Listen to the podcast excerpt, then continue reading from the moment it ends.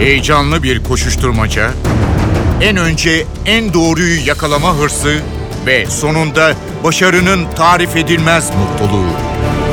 Manşetlerin perde arkası, habercilerin bilinmeyen öyküleri muhabirden de. Muhabirden şimdi başlıyor.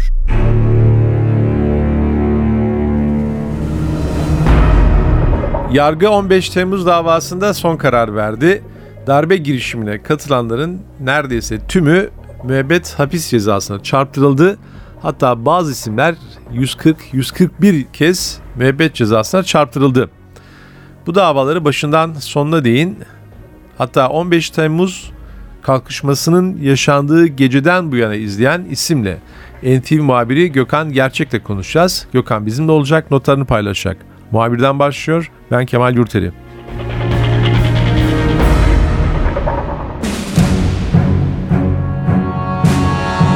Gökhan tarihi bir dava sonuçlandı.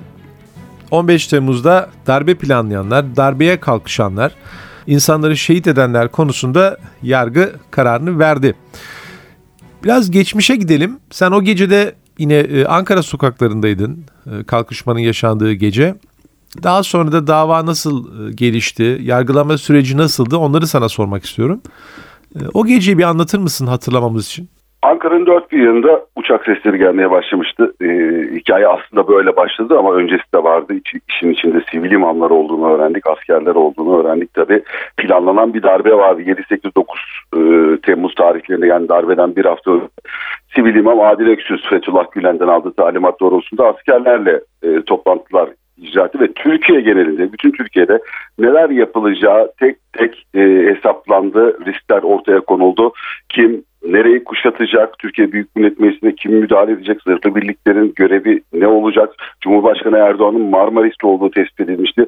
Onu hangi general alacak, İstanbul'da e, ulaşım e, e, felçe uğratılacak, valilik kuşatılacak, e, oradaki askeri birliklerde direnenlere karşı ne yapılacak, e, santim santim an be an her şey hesaplandı. Bir hafta öncesinde iddianameden alıntılarla paylaşıyorum size bunları. Daha sonra yaşadıklarımızla birleştireceğim tabii. E, toplantılar yapıldı, hesaplar yapıldı. Kağıt üzerinde neler yapılması gerektiği hesaplandı. En önemli toplantının yapıldığı yerde Cumhurbaşkanlığı Muhafız Alay Komutanlığı'ydı. E, Çankaya Köşkü'nün hemen yanında sen de biliyorsun Kemal Odası. Orada en üst rütbeli askerler oraya geldi ve son şekli verildi darbe girişimine. Darbenin yapılacağı tarih 15 Temmuz gece yarısı 03'tü. E, ama Karavacık okulundan e, e, Karavacık okulundan bir subay darbe girişiminden bilgisi oldu. Çünkü olağanüstü bir hareketlilik vardı. Hem Akıncı üstünde hem Karavacılık komutanlığında oradaki helikopterlerde görevlendirilmişti. Rutinin dışına çıkıldığı e, gerekçesiyle oradan orada bir asker, bir subay Milli İstihbarat Teşkilatı'na giderek olağanüstü bir şeyler var. MİT müsteşarına suikast girişimi e, hesaplanıyor, planlanıyor olabilir şeklinde. E, Hakan Fidan'a iletildi bu bilgi. Hakan Fidan e, ikinci başkanı aradı. İkinci başkan Genelkurmay Başkanı Hulusi Akar'a haber verdi. E, yine de temkinli davranılıyordu. O ana kadar kimse darbe olacağını hesaplamıyordu tabii. E, MİT Müsteşarı Hakan Fidan Genelkurmay karargahına gitti saat 19 sularında darbenin başlamasından 2 saat önce. E, Akar'la görüştüğü sırada darbenin e, bir numaralı isimlerinden e, Mehmet Dişli ve e, Mehmet Parti Göç e, Akar'a en yakın isimler de oradaydı. Hakan Fidan'ın e, gelmesi şüphe çekti. Darbenin de şifre olduğunu anladılar ve gece 3'te yapılacak darbeyi öne çektiler. E, hemen Akıncı üstünde Hakan Evrim'in e, Akıncı Üst Komutanı talimatıyla F-16'lar havalandı. Bu, bu bir gözdağıydı. Darbe başladı mesajıydı aslında. Türkiye genelindeki bütün birliklere Mehmet Parti Göç imzasıyla darbe bildirisi, e, darbe genelgeleri, darbe talimatnameleri resmi bir yazışmaymış gibi gönderildi ve harekat başladı darbeciler açısından beklemedikleri bu gelişme karşısında öne çektiler ve harekatı başlattılar. E, saat 20 sularında, 20-30 sularında e, F-16'lar havalandı, uçmaya başladı. Ankara semalarında al, alçak uçuş yaptılar. Halkın direnişi başladı. Türkiye genelinde e, o birlikler az evvel de belirttiğim gibi kağıt üzerinde e, ne kimin ne yapacağı belirlenmişti. O birlikler harekete geçtiler. E, köprü kuşatıldı İstanbul'da. Valiliğe gidildi, belediyeye gidildi. E, onların kağıt üzerinde e, hesapladıkları şeyler yavaş yavaş hayata geçirmeye başlandı ama e, hesaplamadıkları bir şey vardı. E, gündüz saatinde bu darbe girişim başlamıştı ve e, e, yavaş yavaş asker de vatandaş da ön almaya başlamıştı. E, Cumhurbaşkanı Erdoğan ekranlara çıkarak e, bu darbe girişimine e, vatandaşların halkın direnmesi talimatı verdi. Ankara Emniyeti kritik bir talimat verdi ve e, girişi yasak olan tüm bölgelere sivillerin alınmasını talimatını verdi. Çünkü bu darbeyi durdurabilecek tek güç e, sivillerdi. Darbeciler bunu hesaplamamıştı. E, sivillerin direneceğini, sivillerin araya gireceğini hiç hesaplamamışlardı. Bu da tabii paniğe sebep oldu. Bu panik ne yazık ki şehitlere sebep oldu. Ee, İstanbul'da köprünün üzerinde o görüntüleri gördük. Sivilleri ateş açanları Genelkurmay karargahında e, bir süper kobranın vatandaşlara nasıl ateş açtığını gördük. Orada oraya gelen vatandaşların üzerine otomatik silahlarla yine ateş açıldı. E, bu beklemedikleri durum karşısında panikleyen e, darbeciler e, ne yazık ki vatan, çok sayıda vatandaşın 250 yakın vatandaşın ölmesine şehit olmasına 2500 kişinin de yaralanmasına sebep oldu. Aslında giriş, gelişme ve sonuç e, gece yarısı 12'ye doğru yavaş yavaş e, darbecilerin gardı düşmeye başladı, e, çözülmeye başladı ve sabaha karşı e, bu darbe girişimin başarısız e, darbe girişimi sonuçlandı. Tek tek gözaltı karar çıkartıldı ve o darbeciler e, 16 Temmuz sabahı darbeyi başarıya ulaştıracaklarını düşündükleri sabah gözaltına alındılar. Dikkat çeken bir e, gelişme bu darbe girişiminden sonra Akıncı üstünde e, bu büyük isimler yani darbeyi planlayan ve darbenin önde gelen isimleri e, bir müddet daha durmaya çalıştılar, direnmeye çalıştılar. Anlaşılan bir takım telefon görüşmeleri var. Daha sonra üst bombalandı Akıncı üssü Eskişehir'den gelen uçaklar tarafından. Sonra dönemin Genelkurmay Başkanı Hulusi Akar yanında daha sonra darbenin ana planlayıcısı olduğu anlaşılacak olan Mehmet Diş ile beraber Akıncı'sından ayrıldı ve fiil olarak da darbe sona ermiş oldu. E, bu kişiler e, ilk yakalandıklarında e, neler anlattılar? Sen e, davayı baştan sona takip ettin. İstersen bu önemli isimlerin e, bu darbedeki rollerini biraz irdeleyelim. Anlatmam mümkün mü? Kemal hepsi suçlamayı reddetti. Mehmet Dişli de Mehmet Parti Göç'te hepsinin ortak bir savunması vardı aslında. E, darbe girişimi içerisinde yer almadık. Olağanüstü bir durum vardı. E, terör saldırısı olacağı gerekçesiyle bize Genelkurmay Başkanı korumamız iletildi şeklinde ortak bir savunma yaptılar. Geleceğe yönelik, gelecekteki temiz aşamalarına yönelik e, kendi kendileri açısından mantıklı ama hayatın akışına aykırı savunmalardı. Bunlar görüntüler vardı, sesler vardı. Buna rağmen külli inkar yoluna gittiler. Hiçbir suçlamayı kabul etmediler. Darbeci değiliz dediler. Darbe girişime katıldığını ifade eden tek isim e, Gökhan Şahin Sönmez Ateş'ti. Cumhurbaşkanı suikastı görevlendirilen havacı general. E, ben darbenin içerisinde o organik or şemanın içerisinde yer almadım ama o gece darbe olacağı bilgisi verildi. Bir talimat verildi ben darbeciyim dedi. E, bazı şeylerin olumsuz gittiği gerekçesiyle bu darbe girişine iştirak ettim dedi ama onun dışında ne Akın Öztürk ne Mehmet Dişli ne Mehmet Bartı ne de en küçük asker, en küçük rütbeli asker bu darbe girişimi içerisinde yer almadığını ifade etti. Evet kim kimdir? Az evvel aslında biraz bahsettik. Genelkurmay karargahında e, olup bitenleri anlatan bir iddianame aslında e, çatı dava ana davalardan bir tanesi. Diğer davalardan ayıran unsur da tabii ki darbe girişiminin buradaki generaller tarafından yürütülmesi. Burası yönetim üstüydü. Ee, darbenin Yurtta Su Konseyi adı verilen bir yapı oluşturdular. O yapı tarafından bu darbe e, koordine edildi, planlandı ve hayata geçirildi. 37 kişilik bir yapıydı bu. E, Semih Terzi bu yapının içerisindeydi ama Özel Kuvvetler Komutanlığı'nda öldürüldü. Onun dışındaki 37 kişinin yargılandığı bir davaydı. E, bir numarada e, Fethullah Gülen var. E, askeri kanat sorumlusu ise Akın Öztürk'tü. Evet Akın Öztürk eski Hava Kuvvetleri Komutanı. Türk Silahlı Kuvvetleri'nin en kudretli komutanlarından bir tanesiydi. Bir dönem Yüksek Askeri Şura üyesi aynı zamanda. E, darbe girişiminin icra aşamasında görev almaktan suçlu bulundu. E, ve tüm faaliyetlerle ilgili e, yine suçlu bulundu. 139 vatandaşın şehit edilmesi darbe girişimi Cumhurbaşkanı'na suikast talimatını verdiği gerekçesiyle 141 yıl hapis cezasına çarptırıldı. E, 15 Temmuz akşamı aslında nikah şahidi olduğu halde e, Korgeneral Mehmet Şanver'in kızın düğüne katılmadı. İstanbul'da bir düğün vardı. Çok sayıda general de o düğündeydi ve e, Akın Öztürk nikah şahidiydi. O düğüne katılmadı. İlginç bir şekilde öğle saatlerinde izinli olduğu halde Ankara'ya döndü. E, darbe girişiminin bastırıldığı saatlerde Akıncı üstünde tutuklandı. Evet Akıncı üstünde e, yakınları vardı, akrabaları vardı. E, torunu görmek için oraya gittiğini söyledi ve savunmasında e, savunmasında şunları ifade etti. E, Genelkurmay Başkanı Hulusi Akar e, darbe bildirisine imza atmadıktan sonra derbest edilerek e, Özel Kuvvetler Komutanlığı askerleri tarafından Akıncı üstüne götürüldü. İkna çabaları orada da sürdü. Akın Öztürk orada darbecilerle e, Hulusi Akar arasında e, ara bulucu yaptığını ifade etti. E, zira e, ekrana yansıyan güvenlik kameralarına yansıyan görüntülerde de Akın Öztürk e, gayet rahat bir şek- şekilde koridorlarda gezebiliyordu. İddiası buydu. Ben darbe girişimine katılmadım. Oradaydım. Torunlarımı görmeye gittim. Darbe girişimi başladıktan sonra da e, darbeci askerlerle e, Hulusi Akar arasında ara buluculuk yaptım dedi eski Hava Kuvvetleri Komutanı Akın Öztürk. E, Yurttaşlık Konseyi üyesi Mehmet Dişli Yine 141 kez ağırlaştırmış müebbet, müebbet hapis cezası alan isimlerden bir tanesi. E, Hulusi Akar'ın makamına giderek operasyon başlıyor komutanım. E, tanklar, taburlar harekete geçti. Herkesi alacağız.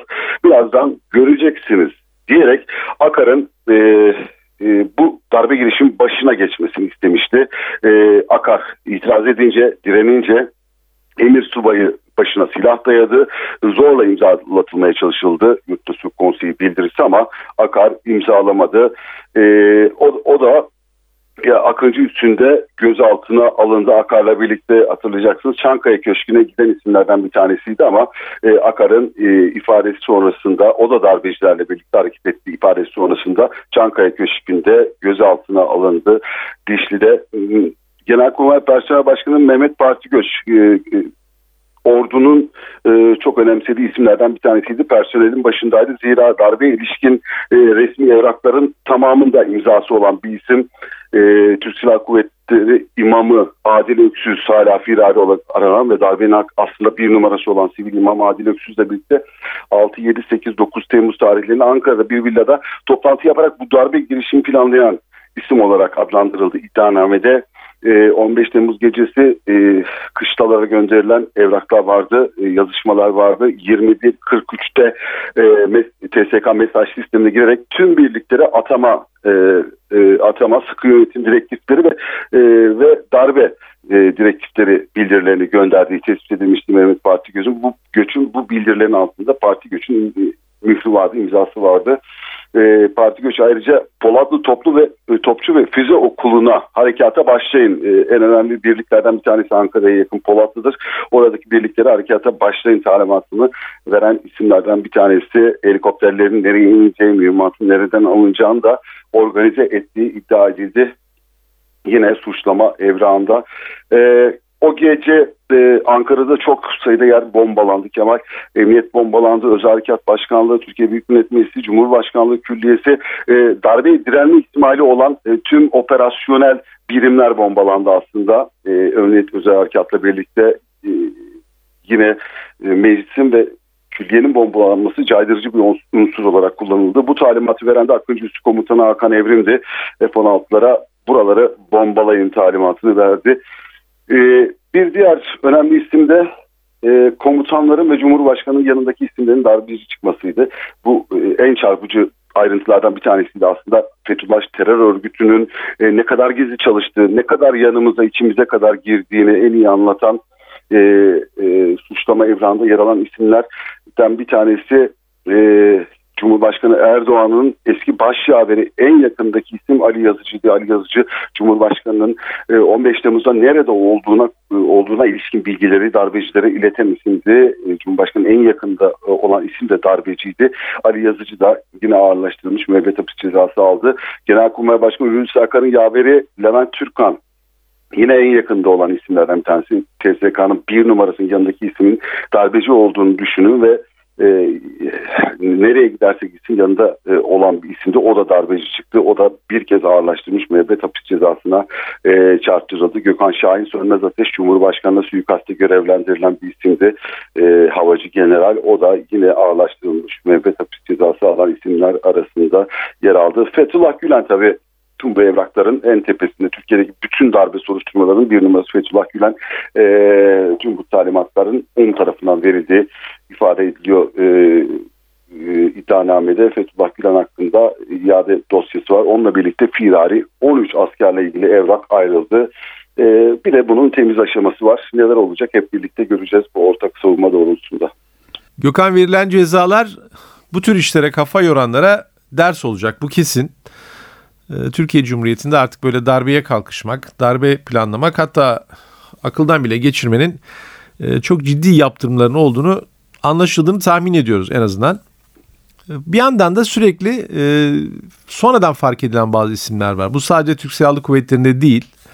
E, ama Türk Silahlı Kuvvetleri'nde olanlar daha çok dikkat çekiyor. Farklı kamu kuruluşlarında 50'şer, 100'er daha farklı e, sayılarda tespit edilen isimler var. Bunların ya bu gizli haberleşme programını kullandıkları söyleniyor veya normal e, ankesörlü telefonlardan kendi aralarında bir irtibat kurdukları söyleniyor ve bunlar sürekli de tespit ediliyor. Yani bir çalışmalara devam ediyor. E, bu kapsamda e, tamamen bu e, temizliğin sona erdiği söylenebilir mi yoksa daha peyderpey sürecek mi soruşturmalar? Kimlerin nerelere kadar yaklaşabildiğini gördük. En yakınımızdaki insanların darbeci olduğunu gördük 15 Temmuz darbe girişiminde. Yani hiç şüphe çekmeden büyük bir gizlilik içerisinde çalışan dünya örgütler tarihinde de bu kadar gizli çalışan hücre tipi hücreler birbirinden bağımsız sivil imamlar general talimat verebiliyor. Kendi haberleşme sistemleri var. Ee, istihbaratın tamamını ellerinde tutmalarına rağmen e, gidiyorlar bakkal telefonundan birbirleriyle haberleşiyorlar. Bu kadar gizlide önem veren bir yapı mahrem imam. Mahrem denilmesinin sebebi de bu 15 Temmuz darbe girişiminin ardından başlatılan herhalde en önemli e, soruşturmalardan bir tanesi mahrem imam soruşturması. E, mahrem gizlilik içerisinde faaliyet gösteren demek. O e, onu o soruşturmanın büyük önem taşıdığını belirtelim, vurgulayalım. E, Kemal Ankara Emniyet Müdürlüğü'nün geliştirdiği bir yazılım sayesinde e, bu dosya genişleyerek devam ediyor. Evet kamu kurum ve kuruluşlarına e, sızan isimler önemli ama en önemlisi yeni bir e, riskin ortaya çıkmasına sebep olacak kolluk birimleri içerisindeki kripto yapıların ortaya çıkarılması. İşte e, bu e, kripto, kripto telefon e, ankesörlü telefon soruşturması mahkeme imam soruşturması da buna yönelik bir dosya. E, gördük ki askerler e, cep telefonuyla konuşmuyorlar. Evet kendi kendi uhdelerinde olan kendi e, kendi kontrollerinde olan bir dinleme sistemi vardı. E, Telekomünikasyon İletişim Başkanlığı Milli İstihbarat Teşkilatı'nda takip edebilecek hatta Cumhurbaşkanı takip edebilecek güçte bir e, yapıyı oluşturmuşlardı ama buna rağmen kendi aralarında cep telefonuyla dahi konuşmuyorlar, mesajlaşmıyorlar. Gidiyorlar bakkaldan birbirlerini arıyorlar. Hatta şöyle bir örnek var. E, bir buluşma organize edilecek bir sivil imam askeri arayacak. Ankara'da ikamet ediyor ama e, trene biniyor, Eskişehir'e gidiyor. Eskişehir'deki bir ankesörlü telefonla Ankara'daki irtibat elemanını arıyor. E, böyle bir yapıdan bahsediyoruz. E, ama tek tek deşifre ediyor. Az evvel senin de belirttiğin gibi geçen günlerde Dışişleri Bakanlığı'nda e, bir soruşturma vardı. Çok sayıda şüpheli gözaltına alındı. E, kuvvet komutanlıklarına yönelik e, operasyonlar, mahrem imam soruşturmaları devam ediyor. E, daha önce örgütle hiçbir bağlantısı bulunmamış. E, bankasya hesabı bu yok. Örgütün okullarına teması olmamış, örgüt elemanlarıyla teması olmamış, herhangi bir tapeti çıkmamış, HTS kayıtlarında örgüt bağlantısı çıkmamış ama e, anlıyoruz ki e, içeride kalmış bazı elemanlar e, ankesörlü telefonlarla, mahrem imamlarla yani sivil imamlarla temas kurarak bu organizasyonun içinde yer almış. Bunda oldukça önemli olduğunu vurgulayalım. Çünkü yakın tehdidin ortadan çıkması için özellikle Türk Silahlı Kuvvetleri ve polisin içerisindeki yani silah tutan kolluk birimlerinin içerisindeki bu yapının tamamen temizlenmesi gerekiyor Kemal.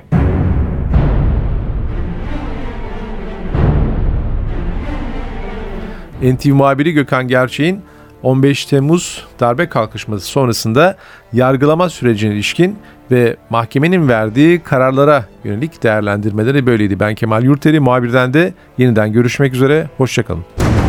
Haber için değil de haberin hikayesi için şimdi onlara kulak verme zamanı. Muhabirden NTV Radyo'da.